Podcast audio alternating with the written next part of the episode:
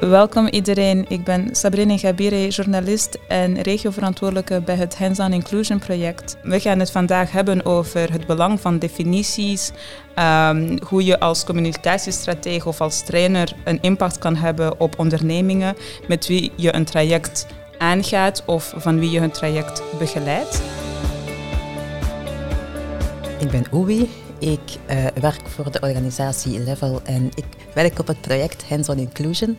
Ik hou me voornamelijk bezig met uh, racisme, validisme en andere uh, discriminatievormen uit te leggen aan ondernemingen en bedrijven. Um, waarbij dat ik ook heel erg focus op het belang van inclusief taalgebruik en inclusief communicatie in de brede zin van het woord als onderdeel van inzetten op inclusie.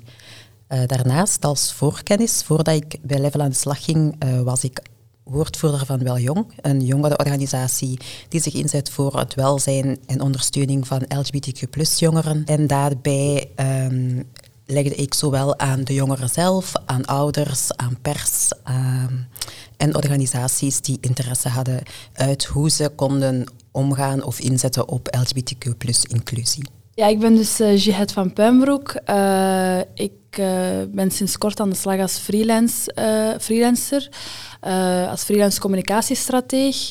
En ik focus mij voornamelijk op inclusieve communicatie, maar ook social media en participatie van doelgroepen die vaak, die organisaties moeilijk bereiken.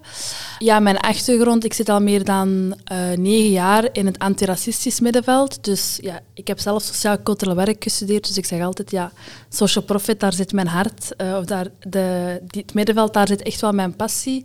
Um, maar ik heb daarvoor ook nog uh, twee jaar als social media manager bij VRT Nieuws gewerkt. Waar ik heel interessant vond om te zien hoe werkt media, wat is de impact van woorden en beelden op verschillende groepen en het belang van representatie. Uh, op dit moment begeleid ik ook organisaties en bedrijven in hun ja, inclusieve communicatie naar buiten toe. Is die externe profilering enerzijds, maar anderzijds ook het belang van ja, een intern diversiteitsbeleid op de werkvloer. Um, omdat je ook wel echt samen ziet. Ik kan niet praten over inclusieve communicatie zonder het beleid uh, te bekijken eigenlijk van een bedrijf of een organisatie.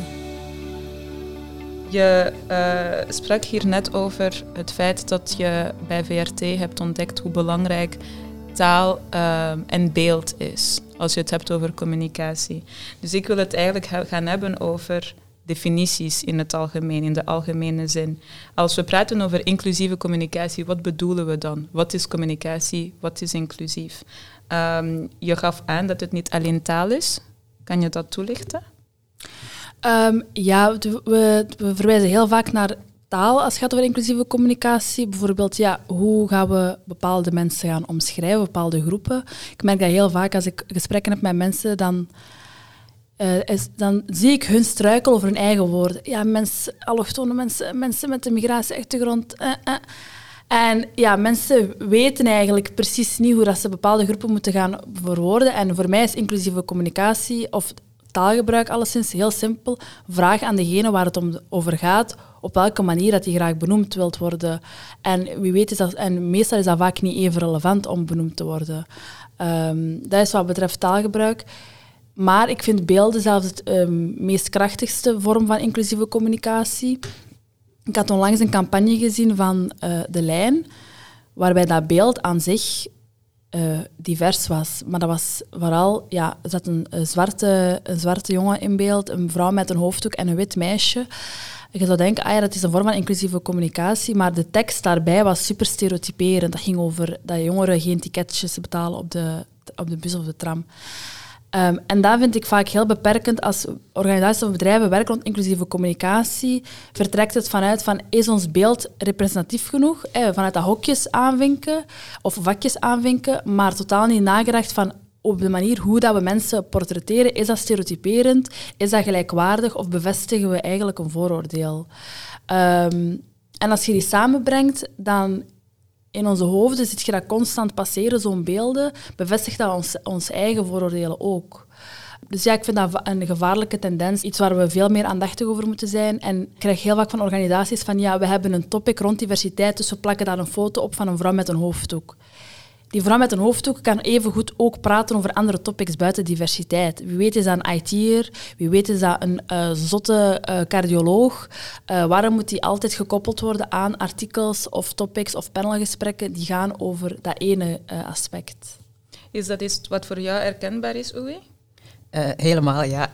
Um, als het gaat over wie dat aan de tafel mag zitten om over welke onderwerpen te praten, ik merk dat er heel hard getwijfeld wordt van ja, maar we willen mensen uit de doelgroep wel het woord geven als het over het onderwerp gaat. En dat is een, een, een switch die belangrijk is dat mensen maken. Anderzijds mag je dat niet in doorslaan en alleen maar die mensen aan het woord laten als het over een onderwerp gaat waarbij, dat zij fysiek of uiterlijk of ja, hoe zeg je dat, affiniteit mee hebben.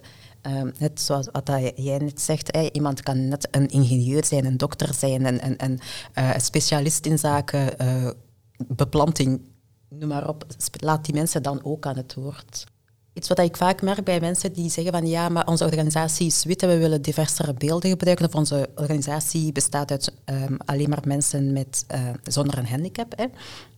Dat ze dan gaan zoeken specifiek naar die beelden met waar dat, dat type mensen opstaan. Maar dat ze helemaal niet nadenken over wat is de machtsdynamiek van die foto. Uh, bijvoorbeeld uit de zorgsector zie je dan vaak eigenlijk um, een, een, een beetje een, een paternalistische mm. houding in die foto's, waardoor dat je mensen helemaal niet in hun kracht zet. Ja, dus beeldvorming gaat eigenlijk om woorden, want dat is waar jullie het over hebben, over de beeldvorming die je vanuit de maatschappij krijgt, dat het dan gaat over woorden, maar ook heel erg over welke mensen nodigen we aan tafel om hierover te praten. Um, maar Oei, voor jou is taal wel echt heel belangrijk. Je hebt zelfs een woordenlijst. Ja. Kan je daarover vertellen? Ehm, toen ik op het Hands-on Inclusion project begon, werd er uh, afgesproken dat we met mensen die een uh, meerdaagse vormingen zouden volgen, dat we daar intakegesprekken mee gingen afnemen. En al snel werd er beslist van we gaan die mensen gewoon laten vertellen in hun eigen taal en niet corrigeren. Gewoon dat wij kunnen echt meten waar ligt hun level van kennis in woordenschat.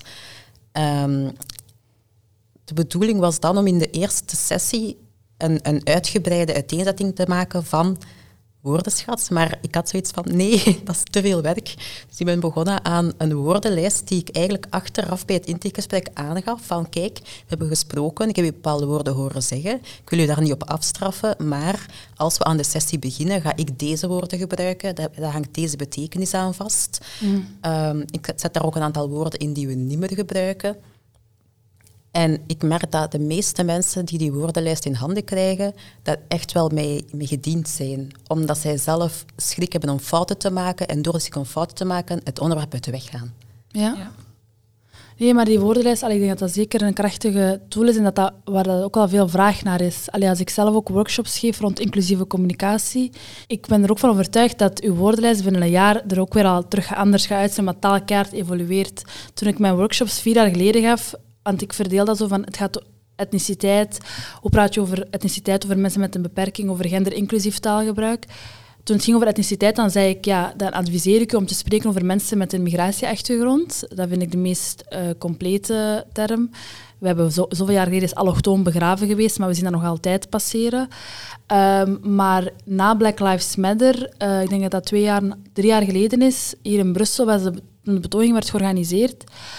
Um, ik heb dat mee achter de schermen gevolgd en dan werden er zo Amerikaanse termen over gewaaid. Dus people of color of mensen van kleur of zwarte mensen.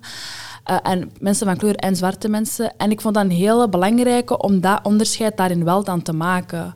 Dus als ik nu bijvoorbeeld ook mijn workshops geef en het gaat over etniciteit, dan zeg ik ook van ja, mensen met een migratieachtergrond, maar je hebt ook mensen van kleur.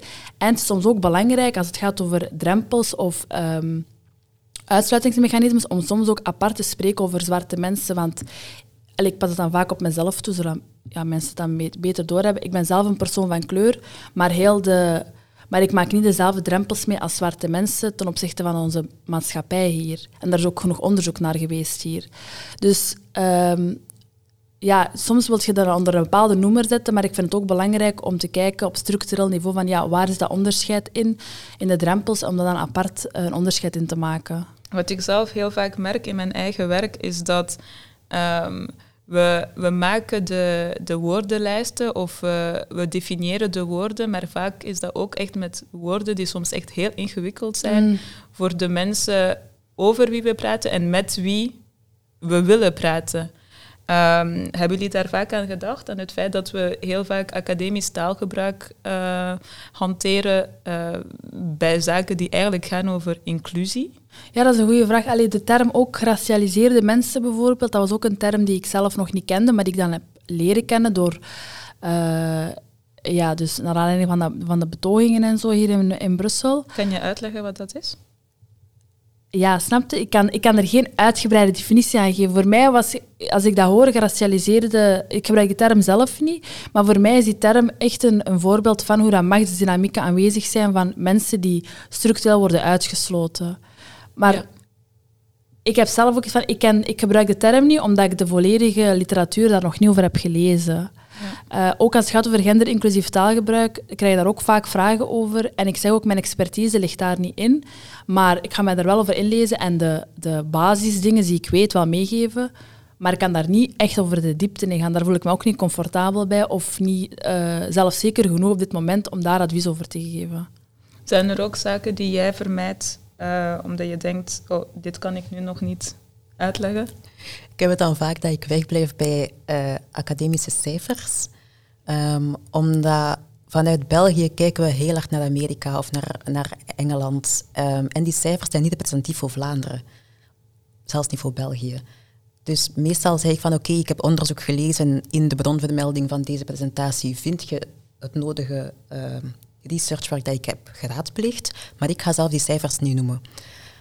Wat ik wel probeer te doen, is naar zo'n taalvereenvoudiging.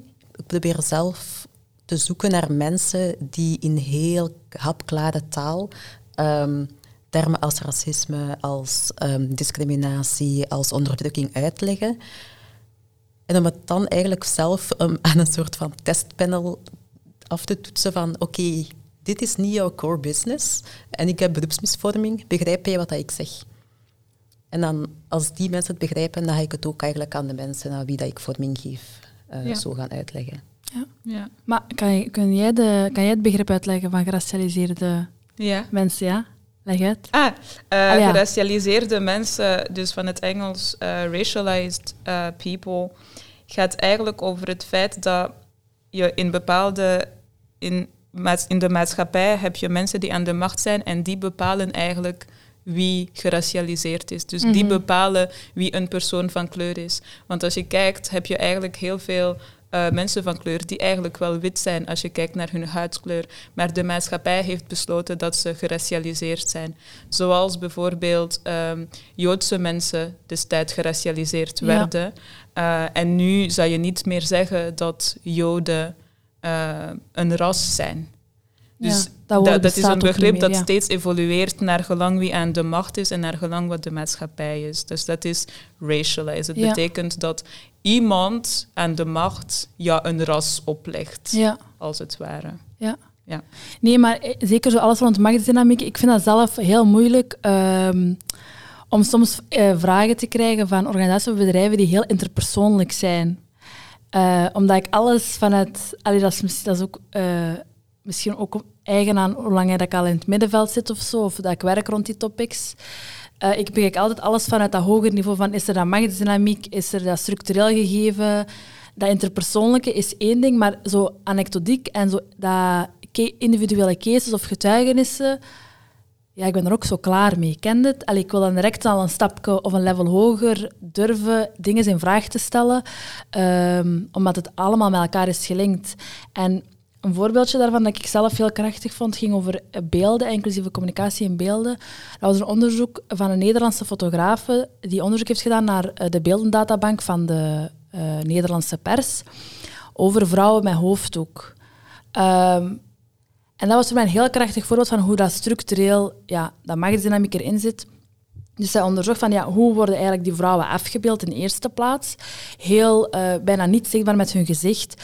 Um, ja, vaak vanuit precies een onderdrukte gegeven. Niet uh, dat ze aan de schoolpoort staan, met hun vrienden aan tennissen zijn, uh, aan tafel zitten met hun gezin. Dus vaak heel geïsoleerd, niet zichtbaar met hun gezicht.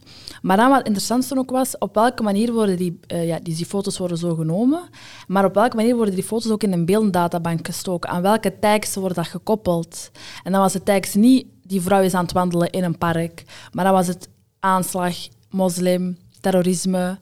En als een journalist een foto zocht en die zoekt op aanslag, dan vindt hij die foto's. Dus dan wordt constant die associatie gemaakt van vrouwen met een hoofddoek, die al sinds niet, al, die niet worden gepersonaliseerd, dus die, niet worden, die eigenlijk als één massa worden gezien, ehm, gekoppeld aan thema's die daar niks mee te maken hebben. En zo wordt dat constant in stand gehouden. Dus allee, dat was voor mij zo ja, logisch, dat, dat, had ik al door. Maar door dat echt te zien, dat onderzoek, dacht ik, ja, zo, zo zit het. Zo zit het systeem in elkaar. Ja, dus jij wil het eigenlijk niet meer gaan hebben over, uh, zoals je zegt, interpersoonlijke. Je wilt het hebben over het systemische. Dus ja. systemische onderdrukking. Ja. Ja. Als we het hebben over inclusie, wat heel erg gelinkt is aan systemische onderdrukking. Wat bedoelen we dan eigenlijk? Want er zijn bepaalde woorden, uh, zoals decolonisatie, diversiteit, die ooit een betekenis hadden, woke, ooit een mm. betekenis hadden. Um, en inmiddels is dat gekaapt, is dat zo vaak gebruikt dat het eigenlijk bijna niks meer betekent. Dus als we het hebben over communi inclusieve communicatie, wat is inclusief? Wat is inclusiviteit?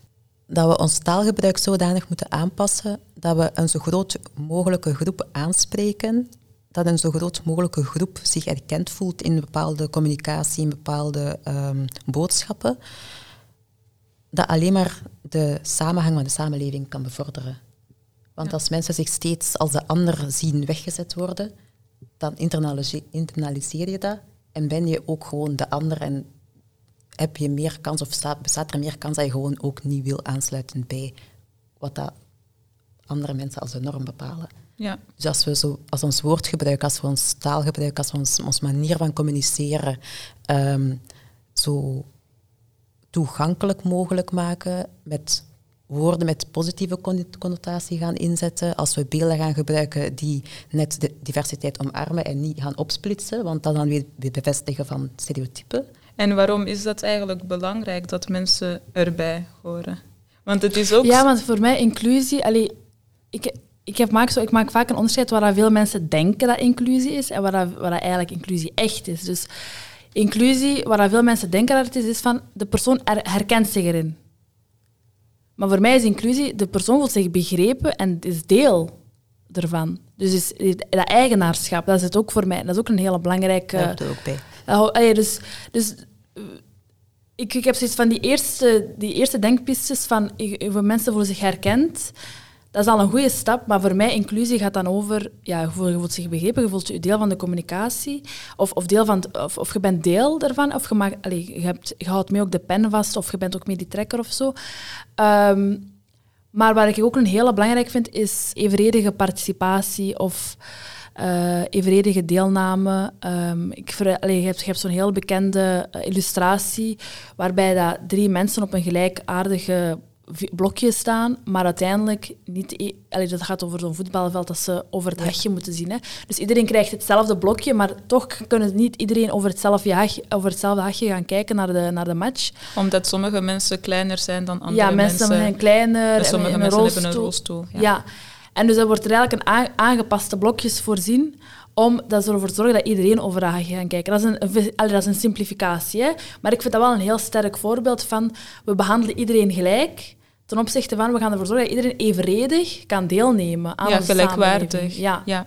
En die evenredigheid zit in soms extra tegemoetkomingen moeten doen en aanpassingen te moeten doen. Ja, als je dan naar die afbeelding gaat kijken, heb je ook nog die derde afbeelding, dat ze dan zo die haag wegdoen. Ah ja. En dan, dan kun je ook nog gaan zeggen van, misschien moeten we een keer de, de, de handelswijzes die we altijd opnieuw gebruiken, in vraag gaan stellen van waarom doen we de dingen zoals we ze doen en kunnen we ze niet anders doen. Inderdaad, ja. Want dan vaak heb je al die hulpmiddelen, en dat is simplistisch gezegd natuurlijk, hè, maar heb je al die hulpmiddelen niet nodig als we gewoon kijken naar, oké, hoe moet jij je dag doorkomen, hoe moet jij je dag doorkomen en hoe kunnen we dat dan samen zo voor iedereen faciliteren? Ja, ja maar dat vind ik inderdaad ook wel een goede aanvulling. Allee, ik heb het inderdaad ook gezien passeren en dat gaat ook over heel dat systemische, hè? Ja. Ja, ik, um, ik hoorde iemand onlangs zeggen, een witte persoon, dat was op een event waar we samen waren, uh, enkele dagen geleden. En het was een, een witte persoon die zei, ja, um, het is eigenlijk wel belangrijk om te benoemen dat inclusie moeilijk is. Ehm, dat het niet vanzelfsprekend is en dat het voor wrijving zal zorgen binnen een onderneming. Ehm, en dan wil ik het gaan hebben over het werk dat jullie verrichten binnen ondernemingen. Oei, jij, jij doet het voortraject als het ware. Hoe kies je überhaupt welke ondernemingen je gaat begeleiden? Zoals ik daarnet al zei, doen we met een groot aantal van de deelnemers die zich inschrijven uh, kennismakingsgesprekken. En dat is enerzijds om te polsen waar dat hun huidige kennis ligt en hun motivatie. Uh, maar ook wel van, zijn jullie vinkjes aan het zetten of hebben jullie effectief mandaat om verandering te brengen? Ja. En het is vooral, dat is een hele belangrijke. Um, ons project gaat mensen niet uitsluiten die alleen maar vinkjes zetten. Ergens geloof ik ook wel dat het iets, iets als zaadjes planten en laten, laten rijpen. Um, maar je merkt wel de beste resultaten, en het is zelfs maar een voortraject. De beste resultaten zijn er wel van mensen die al zeggen van ja, wij hebben intern van onze organisatie mandaat gekregen om hierna een werkgroep op te richten, om hierna ons beleid een keer onder de loep te nemen, om hierna te kijken hoe gaan we vacaturescreening uh, gaan herdefiniëren. Uh, ja, dat is iets wat voor jou ook uh, herkenbaar ja. is. Ja, alleen zo ook het gegeven waar je zegt van ja, dat, dat, dat, is, dat, is een moeilijk, dat is een moeilijk gegeven of dat zorgt voor wrijving of weerstand. Ik zeg altijd, ja, gelukkig is er weerstand, dan kan ik er tenminste mee werken. Moest jullie geen emoties hebben, dan, dan moet ik er ook niet zitten. Hè. Dus ik, uh, ik geef altijd aan van ik heb liever dat er... Allez, ik ben blij dat er weerstand is, daar kan ik al mee aan de slag. Um, maar inderdaad, ook ik begeleid vooral social profit organisaties in hun interne diversiteitsbeleid en inclusieve communicatie. Ja, vaak zit ik natuurlijk samen met communicatiemedewerkers, maar als het echt gaat over uh, kijken naar hun intern uh, beleid, dan vind ik het heel belangrijk dat er altijd ook een leidinggevende bij zit. Uh, dus ook dat mandaat vind ik zeer belangrijk. maar ik wil natuurlijk ook wel erkennen voor degenen die het initiatief nemen, dat, ze wel, dat dat zeer waardevol is wat ze doen. Maar ik merk heel vaak dat het daar, als het daarna enkel bij die mensen blijft die al heel gepassioneerd zijn, eigenlijk al bijna mee zijn, dat het dan geen succesvol traject gaat zijn. Um, dus ik vraag ook, ik wil oftewel die leidinggevende erbij, of daar een apart gesprek mee om uh, ja, een, een deep dive gesprek te hebben of zo, om zo zeker te zijn dat we verder kunnen. Wat zijn de moeilijkheden uh, die je dan uh, tegenkomt als je, als je zo'n traject aan het doen zijn, het voortraject of het eigenlijke traject? Want je zegt, het is goed als het struikelblokken zijn. Wat zijn dan de struikelblokken? Hoe ziet zo'n relatie eruit? Ik denk dat de weerstand vooral zit in um, of in, zeker in, in de social profit organisaties, ze willen het echt wel doen. Hè, dus de intentie zit heel juist. Maar ik ben ook op een fase, allee, in een, mijn begeleiding, met intentie komen we er niet. Dus dat ik, kom vaak heel wel, ik kom wel vaak heel moeilijk binnen. Ik ben ook wel, dat is mijn stijl wel. Ik ga niet zeggen van het is heel goed we gaan hiermee aan de slag en die intentie. Ja, ik zeg, heel, ik zeg gewoon heel eerlijk, heel leuk dat je intenties hebt, maar we moeten nu verder. We moeten voorbij die intentie gaan. Um, en dat zorgt vaak voor moeilijkheden, want um, mensen moeten leren durven intern kritisch te reflecteren. En ik zou verwachten van social profit. Allee, ik heb drie jaar lang moeten reflecteren toen ik studeerde. ik was al beu. Maar uh, wij zijn eigenlijk in staat om allemaal te moeten reflecteren. Wij doen intervisies met elkaar. Uh, en het is daarna ineens heel moeilijk om over jezelf te moeten reflecteren, want het gaat wel over u zijn, gekoppeld aan je organisatie. Um, dus zo het gegeven van, ik, wij willen het, of ik heb heel goede bedoelingen, of vooral ik, heb, ik wil geen fouten durven maken. En dat probeer ik heel snel te ontleden. Van, je gaat fouten maken, maar zeker uh, ja, naar witte personen toe, of uh, ja, naar witte organisaties, zeg ik, jij moet even één drempel zetten. Eén, één stap zetten, één sprongetje. Je zeer kwetsbaar opstellen en zeggen, ik weet het eigenlijk niet. Uh, wij hebben die begeleiding nodig. Of ik moet mijn dingen in vraag durven stellen. Jij moet één stap zetten. Terwijl de, groep waar het om, de groepen waar het om gaat, minderheidsgroepen, die zitten constant in die kwetsbaarheid. En jij moet één stap zetten, dat is te veel gevraagd. Ja, en dan uh, kan ik soms, dan breek ik wel meestal door en dan kunnen we vooruit. Hè. Uh, maar daar ook heel, allee, dus ook gaat over, over die weerstand, zeker als het heel diverse organisaties zijn, vind ik het ook heel belangrijk om soms het onderscheid te maken in hoe zorgen we voor die veilig, veilige context. Um, want dat, dat, dat vind ik vaak ook een moeilijk... Daar zit ik zelf ook soms vaak mee te sukkelen. Voor de ene wil je een aha-momentje creëren. aha, we moeten het anders aanpakken. Maar voor de ander is dat aha-momentje al lang gepasseerd. Die zit er dagdagelijks in. Dus dat vraagt ook een ander, uh, een ander zijspoor of zo. Ehm, dus ja, dat is niet altijd makkelijk, maar uh, ja, het, het lukt wel, denk ik. Wat ik um, eigenlijk bij jou hoor, is dat sommige mensen um, iets willen zijn, maar niet de nodige stappen, niet altijd de nodige stappen willen zetten om dat effectief te zijn. Ja. Uh, ik denk dat dat iets is dat jij, Oei, waarschijnlijk heel erg ziet als je intakegesprekken moet voeren, want dat zijn heel intensieve, uh, lange gesprekken waar mensen moeten reflecteren. Um, is dat herkenbaar? Ja. Um, een vraag die ik vaak stel, uh, of probeer te stellen, is om hen te laten nadenken over de keerzijde van de medaille als we niet voorbij die intentiestap gaan. Wat als we het laten zoals het nu is? Wat, is jullie relevantie op lange termijn? En dan komen ze eigenlijk weer terug bij hun, aanmeldingsvraag van, ja, maar dan draaien we niet meer mee in, in, in de samenleving, dan, dan, dan bereiken we een hele groep mensen niet. Dus van, oké, terug naar, en wat gaan we dan doen? Um, Daarnet hoorde ik jou ook zeggen van uh, die, hoe creëren die veilige setting.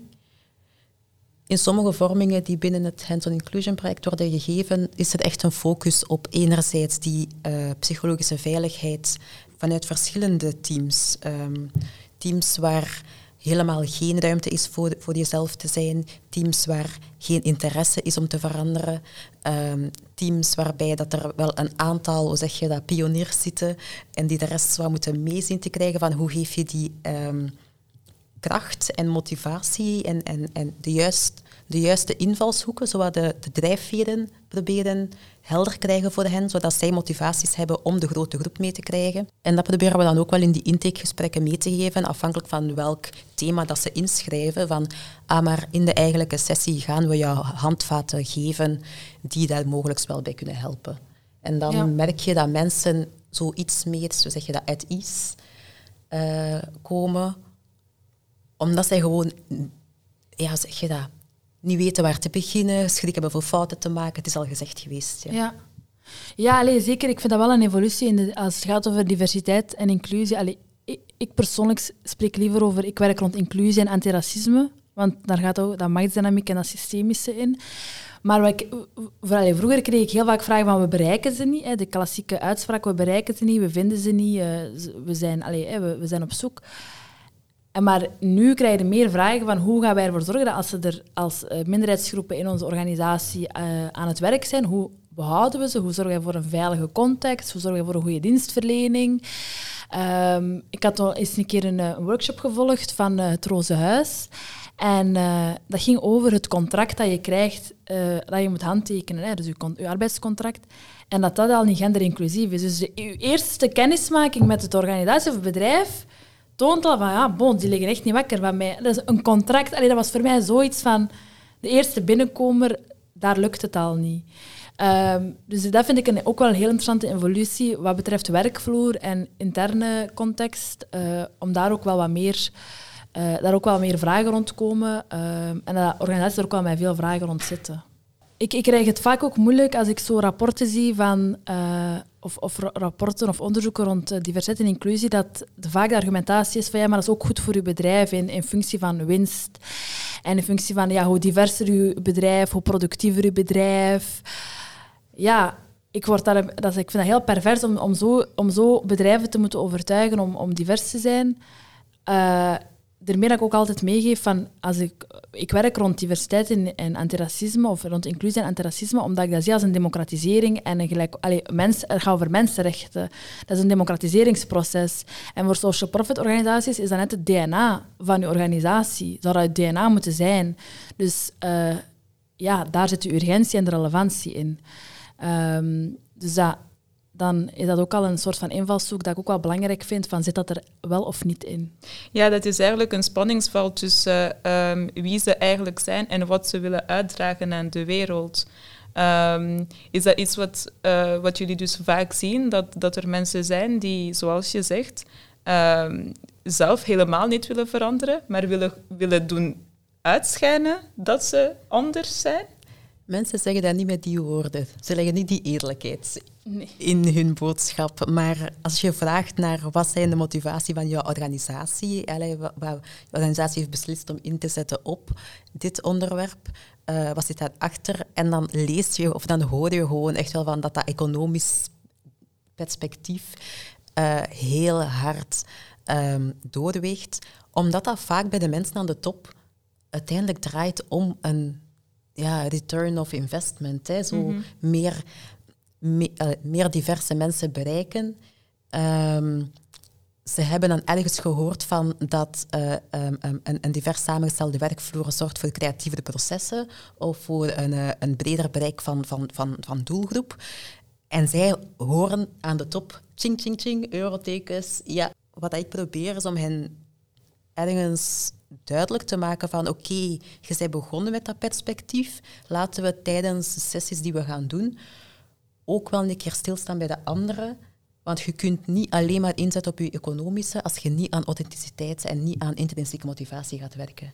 Want mensen voelen dat je werkvloer, je werksfeer gaat echt niet oké zijn. Ja, dat is eigenlijk die sociale veiligheid uiteindelijk. Hè. Je brengt dan heel veel diverse mensen eh, binnen, divers, wat ze dan ook zien als diversiteit op dat moment.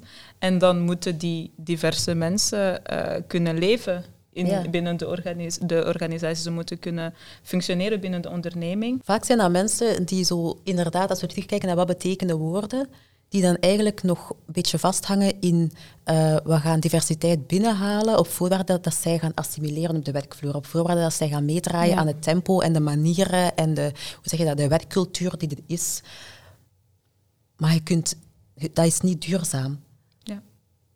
En dat is dan wat dat inclusie het verschil dan zo wat ma- maakt. Van, bij inclusie gaan we zeggen van oké, diversiteit binnenhalen, maar ondersteunen, zien, hoe zeg je dat, Ehm, zeggenschap geven, gedra- ondersteuning bieden, zo allemaal die dingen. Ja.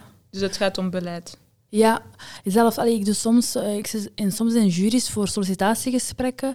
Eh, zeker de jongere generatie, die stellen, vragen, die, die stellen echt vragen over wat is de cultuur en wat is jullie beleid. En vroeger, ja, hoe moet je blij zijn hè, dat je een job hebt, hè? Dat Ah, ja, ik heb dat ook job- gedaan.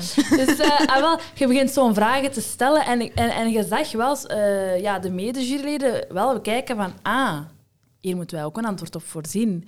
En dat is echt een switch en ik vind dat heel sterk hoe dat eh, jongere generatie, of die op de eerste werkvloeren komen, dat wel durven in vraag te stellen, eh, om niet als vanzelfsprekend te zien of in een bepaalde eh, ja, stramien te moeten lopen. Ehm, dus ja. Omgekeerd heb jij mij ooit verteld ehm, dat je niet divers hoeft te zijn om inclusief te zijn. Ik vond het een interessant gegeven. Kan je dat uitleggen? Eh, ja, dat is zo'n eh, een, eh, een stelling die ik altijd gebruik in mijn workshops. Om te zeggen van, allee, heel vaak voorstel van, wat vinden jullie ervan? Ik heb daar zelf verschillende... Ik heb daar geen eenduidige mening over. Maar ik geef dat vooral mee van... eh, vaak organisaties zitten, eh, zijn vaak verlamd. Allee, of witte organisaties zijn vaak zeer verlamd van... Ja, wij kunnen daar nu nog niet aan werken, want we zijn nog niet divers genoeg. Wij kunnen nog niet werken aan een goede dienstverlening binnen onze organisatie. Alleen een goed onthaalbad. Eh, hoe ziet onze werkvloer eruit? Hebben wij stille? Zijn er eh, genderinclusieve toiletten? Hoe doen wij aan allee, bepaalde vraagstukken die je zelf moet stellen qua HR of qua dingen? Ehm, dus ze schuilen zich achter dat feit van ja, dat is een witte organisatie, dus wij kunnen daar nog niet aan werken. Maar je kunt, dat, is, dat is eigenlijk tweeledig. Hè? Dus eh, enerzijds, ja, je bereikt ze niet, maar misschien bereik je ze niet omdat je nog niet intern werkt aan een beleid. Dus dan is het heel vaak, ik zie dat heel vaak bij vacatures staan, zo'n tekstje onderaan hè, van we vinden het zeer belangrijk dat zoveel mogelijk mensen solliciteren, want wij discrimineren niet. Ik vind het eigenlijk veel interessanter dat je zegt, dit is waar wij nu mee bezig zijn en heel transparant uitlegt.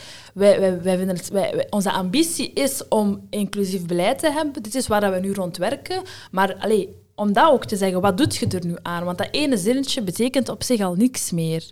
Want als jij zegt, wij vinden het zeer belangrijk dat, veel, dat, dat, we, zo, eh, dat we niemand uitsluiten op verschillende discriminatiegronden, en er komt een persoon met een rolstoel en er is geen lift, ja, proficiat, ja, wat gaat hij nu doen? Die kan niet eens uh, op je eerste uh, vloer geraken. Dus dan is die zin niks. En dat vind ik daarom heel belangrijk. Van die, je hebt dan misschien inclusieve communicatie gedaan, je hebt dat vakje kunnen aanvinken, maar wat, ben je dan nu eigenlijk nu intern aan het waarmaken? En daar zit weer al zo die kwetsbaarheid van organisaties die het zeer moeilijk vinden om transparant te kunnen delen waar sta ik nu in het proces. Het doet me heel erg denken aan uh, wat jij vertelt over vacaturescreening, over hoe sommige mensen uh, eh, MVX zullen zetten um, in hun vacatures. Um, maar dat het eigenlijk veel krachtiger is als de vacature genderneutraal is, dan dat die heel gegenderd is en dat je dan MVX daarboven zet. Ja, inderdaad. Zelf spreek ik liever van genderinclusief dan van genderneutraal, omdat neutraal like, zo naar beneden haalt en inclusief eigenlijk um, empowered en voller maakt. Ja, belang van taal. Ja. Uh, onlangs was ik ook op een, op, een, op een lezing zelf en daar spraken ze van gendervolle taal. Vond ik ook wel een mooie. Ja, maar taal evolueert. Dat is echt, ik leer elke keer nieuwe woorden bij. Maar inderdaad, het is beter van niet zozeer te focussen op die MVX in dat geval, maar te zorgen dat je vacature voor iedereen, ongeacht MVX, uh, eh, leest als jullie zoeken mij. Ja. Mm daarbij ook als aanvulling wat, dat, wat dat jij zegt, Jihad, van um, onderaan zetten van uh, wij moedigen iedereen aan om te solliciteren, vrij tof, maar misschien moet je ook zeggen, wat hebben jullie in werking, zodanig dat als die mensen solliciteren, dat zij zowel bij het gesprek als bij de indiensttreding ondersteuning kunnen verwachten, of ja, niet per se ondersteuning, maar gewoon die die welkomheid ook effectief voelen. Want puur dat zinnetje doe je niet welkom voelen als op de werkvloer je rolstoel niet door de deur kan, dat je altijd, um, zeg nu maar iets in, in geval van uh, Nederlands als, als uh, um, dominante taal op de werkvloer, dat er eigenlijk maar één buddy is die jou kan helpen om, om Nederlands te ondersteunen. Uh, nee, zeg als organisatie van kijk, hier kan je taallessen, taalondersteuning krijgen op deze en deze manier. Um, dat vind ik veel interessanter dan inderdaad zo'n zinnetje van wij moedigen aan om te solliciteren. Tof. Ja, in het Engels heet het uh, virtue signaling. Dat je dus jouw goedheid aan het laat uitschijnen door bepaalde woorden te gebruiken. Mm. Ehm, terwijl je daar zelf niet per se in gelooft of die überhaupt implementeert binnen je onderneming. Ja, want daar zit die intentie, hè? daar zit weer al dat raakvlak van intentie. Ik denk dat de intenties van de mensen, van de bedrijven of organisaties die dat tekstje zetten, de intentie wel juist zit, maar inderdaad het overgaan naar beleid en actie uh, niet aanwezig is. Nee, ik sprak ook iemand die mij vertelde um, dat, dat hij een onderneming heeft die um, de onderneming, hij zei, die is niet heel divers. En ik dacht, oké, maar hoe dan niet? En blijkt dus dat die wel heel divers is, maar gewoon geen mensen, uh, mensen, mensen van kleur of zwarte mensen heeft binnen de onderneming, maar wel uh, heel veel mensen met verschillende maten van beperking, bijvoorbeeld. Um, of, of van cognitieve... Um, uh, capaciteiten. En dan denk je, ja, je kan divers zijn op heel veel verschillende manieren. En hij zei, ja, we hebben eigenlijk geen tekort aan werknemers binnen mijn organisatie. Ik was verbaasd, want hoezo niet? Iedereen heeft een tekort aan werknemers. Um, maar hij zei, ja, mijn cultuur is zodanig oké, als in, we werken zodanig aan het proberen een goede werkgever te zijn, veilig te zijn, dat de mensen bij ons willen komen werken. Mm. Dus in, in, in dat opzicht is dat eigenlijk ook gewoon wat jullie zeggen, dat als je goed bent als de intentie goed zit, als de, de, de, de motivatie en, en vooral de, uh, de inspanningen er zijn, dat de mensen wel effectief naar jou zullen toekomen en sneller nog uh, uh, dan als je gewoon bepaalde woorden op je vacature uh, gaat plaatsen. Of bepaalde foto's. Of bepaalde foto's, ja. Hoe communiceer je ook op een inclusieve manier met mensen die gewoon niet goed zijn met talen? Dus los van academisch taalgebruik, dat ook voor, al, voor de gemiddelde persoon uh, moeilijk kan zijn. Gewoon mensen die überhaupt niet heel goed zijn met talen of mensen die de taal niet spreken. Hoe zorg je ervoor dat je dan alsnog inclusief kan communiceren? Of voor een inclusief uh, beleid, uh, communicatiebeleid kan zorgen? Ja, dat is een goede vraag. Ik heb uh, daarvoor een workshop gevolgd bij Wablieft, bij het Centrum voor Duidelijke Taal, en daar eigenlijk heel goede tips geeft over hoe laagdrempelig mogelijk te communiceren. Ik heb dat toen gevolgd toen ik werkte bij VRT Nieuws en ik vond dat echt een... Dat waren een paar tips um, puur over ja, vakjargon, afkortingen, zegswijzes bijvoorbeeld. Wij zijn zo gewoon om in metaforen en in gezegdes te, te spreken. Super verwarrend. Allee, ik ben er ook kei slecht in. Ik, ik draai die allemaal door elkaar.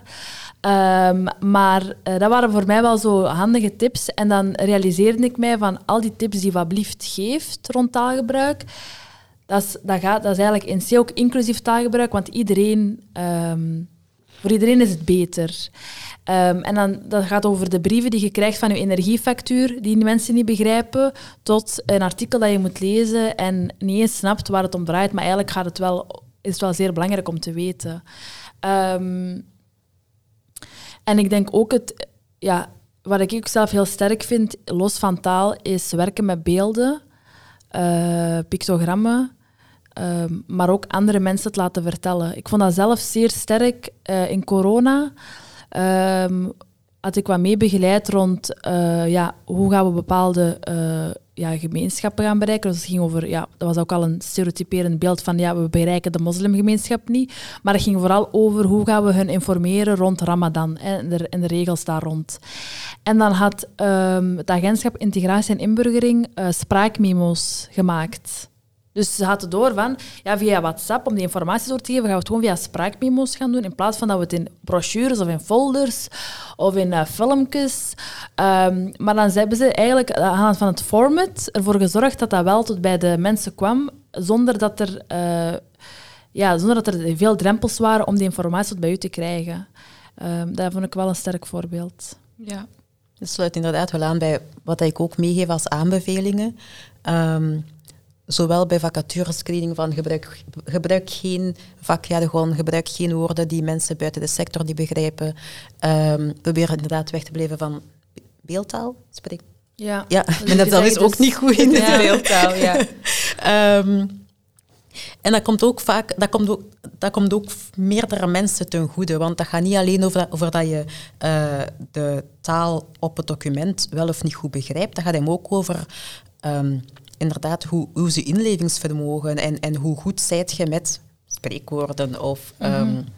dus veel meer mensen dan enkel mensen die Nederlands onvoldoende begrijpen om die tekst te, teksten te lezen. Um, en dan zeg ik ook van, stop daar niet enkel bij die vacature leesbaar te schrijven, maar ga, dat ook, ga, ga eens kijken naar uw onboarding, ga eens kijken naar uw arbeidsreglement dat moet getekend worden. Ga eens kijken naar brochures die jullie verspreiden bij bepaalde doelgroepen die jullie willen be uh, bereiken. Staat daar de taal op die zij spreken? Overdrijf dat ook niet in, maar is dat leesbaar? ja. ja. En soms is het echt in hele kleine dingen. Hè. Um, ik herinner me nog een verhaal van iemand die de Nederlandse taal aan het leren was en er zat, mocht een vragenlijst invullen en er stond, drink jij? En zegt, ah ja, natuurlijk drink ik. En zei het ja aan. Maar ja, bij ons was het, ja, het ging over alcohol. Ja, dat drinkt ze helemaal niet, maar dat wist. Dus soms is het ook gewoon zo dingen dat ik denk van, ja, wij vertrekken vanuit een bepaalde invalshoek en wij moeten die zelf ook constant in vraag durven stellen. Ja, ook, uh, ook diegenen die de trainingen geven. Ja, ja die ja. moeten ook constant in vraag durven stellen. Ik, uh, ik ga onlangs een workshop, um, ook rond inclusieve communicatie. Um, en het ging over uh, mensen met een beperking. Dus ik, zei, ik, gaf zo het, ik gaf advies van, ja, het is lief, uh, natuurlijk gebruik zo specifiek mogelijk. Uh, ze gebruiken het niet als een zelfstandig naamwoord, maar als een bijvoeglijk naamwoord. dus mensen met een beperking. En er had daar een organisatie die werkt rond mensen met een beperking. En zij gaf mij dan ook terug het advies van... Ja, soms is het ook beter om te spreken over mensen met een handicap. Terwijl ik had altijd geleerd, ja, liever met een beperking. Maar wie ben ik dan om te zeggen, ah ja, nee, ik heb het anders geleerd. En dan legden ze mij uit van... Ja, wij spreken liever over mensen met een beperking als het gaat over individuele cases. Dus uh, ja, individuele gevallen van mensen. En mensen met een handicap als het over structurele maatschappelijke gaat. Namelijk de tegemoetkomingen die ze krijgen van de overheid, omdat dat daar dat structurele gegeven in zit. En zo leert je ook constant bij en past je ook dingen aan. Um, wat ik ook een heel mooi voorbeeld vond, dat vond ik, alleen wat betreft inclusie, uh, Tumult, een organisatie dat werkt met jonge nieuwkomers. Um, zij spraken altijd vroeger voor jonge nieuwkomers, maar hebben dan hun naam uh, of een, een, begrip aangepast naar jongeren met een vluchtverhaal. En dan denk ik, ja, dat zegt toch, dat gaat over hetzelfde. Het gaat over dezelfde groep jongeren, het gaat over dezelfde groep mensen. Maar zij, hebben hun taal aangepast omdat hun achterban, hun doelgroep aangaf van ja, wij zijn eigenlijk wel meer dan gewoon vluchteling. Wij zijn student, wij zijn uh, broer, uh, wij zijn activist. Uh, wij zijn veel meer dan enkel dat. Maar we hebben wel natuurlijk ons verhaal. Dus zij hebben samen met hun groep, met hun achterban, gezocht naar van oké, welke verwoording moeten we dan, uh, op welke manier is dan de juiste manier om, om, te, om te beschrijven. En nu spreken ze over jongeren met een vluchtverhaal. Um, en ik gebruik dat nu ook constant, allee, consistent op die manier. Ja, ik zei al dat uh, inclusie een voortdurend proces is. Um, wanneer is een voortraject of een traject geslaagd voor jullie? Um, binnen het project Take Toe, wij doen eerst het voorgesprek, het kennismakingsgesprek, en wij, wij doen achteraf ook een, um, we laten hen een, een, een, plan opmaken van wat dat hun volgende stappen gaan zijn. Daar kan nog iets meer focus of aandacht naartoe gegaan worden, maar voor mij is het geslaagd als mensen zelf de, uh, de reflex kunnen maken of de, of de groei zien in mijn vraag is deels beantwoord. Ik weet welke richting ik uit kan gaan om verder te zoeken, verder de opleidingen te gaan um, volgen of uh, welke documenten dat ik eerst kan aanpakken. Soms zitten mensen ook vast van ja, maar beleid uh, en acties, wat moet eerst? Denk zo, als mensen dan zo ineens de reflex maken van het kan naast elkaar lopen. Zo. Want een van de dingen die ik op voorhand zeg is, ik ga je niet zeggen wat dat je moet doen. Ik ga je enkel mogelijkheden tonen. En jij gaat moeten kiezen wat dat het beste aansluit bij waar dat jullie nu staan. En als mensen dat kunnen doen, dan is het voor mij na het voortraject eigenlijk um, goed. Wat ik ook fijn vind, is mensen die achteraf nog een keer terugkomen om te zeggen van, we zijn op weg. Ja. Ja. ja. Ja, ik denk dat dat een beetje een gelijkaardig uh, verhaal is. Um, ik vind het zeer belangrijk als het zo gaat over de, zeg maar een workshop of een sessie geven als het gaat over gewoon termen, dat ik uh, mensen zie uh, zichzelf vragen durven te stellen aan zichzelf. Van, ah ja, ik heb altijd zo gedaan en nu moet ik dat anders doen. Dus ik vind dat, als ik dat hoor en ik merk dat dat na één sessie al wordt ge, ge, gedaan, dan vind ik dat al een heel groot succes, want dan kan ik daarop voortbouwen. Um, ik vind het ook zeer belangrijk dat er uh, acties zijn die op korte termijn kunnen verwezenlijkt worden. Al is het maar, we gaan ons contract gaan heraanpassen, dat die genderinclusief is. Uh, tot ook wat lange termijn. Oké, op welke manier uh, voorzien wij een uh, safer space in, in onze organisatie? onze vertrouwenspersoon. Iedereen heeft bijna, elke heeft een vertrouwenspersoon. kan die vertrouwenspersoon ook antidiscriminatiecursussen volgen, bijvoorbeeld? Um, dus ik, vind, ik, ik ben ook wel de persoon die graag ook snel resultaat wil zien. Uh, dus er zijn, wel, er zijn wel dingen waarvan ik gevoel heb van ja, daar kun je heel snel in schakelen. Uh, maar ik ben vooral altijd zeer blij als ik zie die, degenen die het hebben getrokken, de twee die het bijvoorbeeld hebben getrokken, dat ik dan zie dat anderen ook mee het initiatief nemen. Omdat ik dan doorheb van het is echt nu door heel de organisatie en dan zit dan iets duurzaam in. Want als het elke keer bij diezelfde twee gaat blijven, dan gaan zij ook na een jaar vertrekken omdat ze opgebrand zijn. Uh, omdat helaas, en dat is misschien dan voor een andere podcast, helaas is diversiteit geen uh, voltijdse uh, job, maar nemen mensen het er nog eens een keer bij. Um, en dan, dan maakt dat wij dan komen in een organisatie waarbij het iedereen het maar gewoon als extra ziet. Uh, dus ik ben altijd zeer blij op het einde om door te, aan het traject om te zien, want het is niet meer iets extra, het is deel van ons DNA, het is onze kern. Ja, dank jullie wel allebei om vandaag aanwezig te zijn en met mij te praten over inclusieve communicatie uh, bij sociale ondernemingen. Dank je wel. Ik was Sabrina Gabiri voor Verso. Bedankt om te luisteren naar deze eenmalige podcast van Hands on Inclusion over het thema inclusieve communicatie. Smaakt het naar meer? Bekijk dan ons gratis live en online aanbod rond inclusief ondernemen voor werkgevers op handsoниnclusion.be.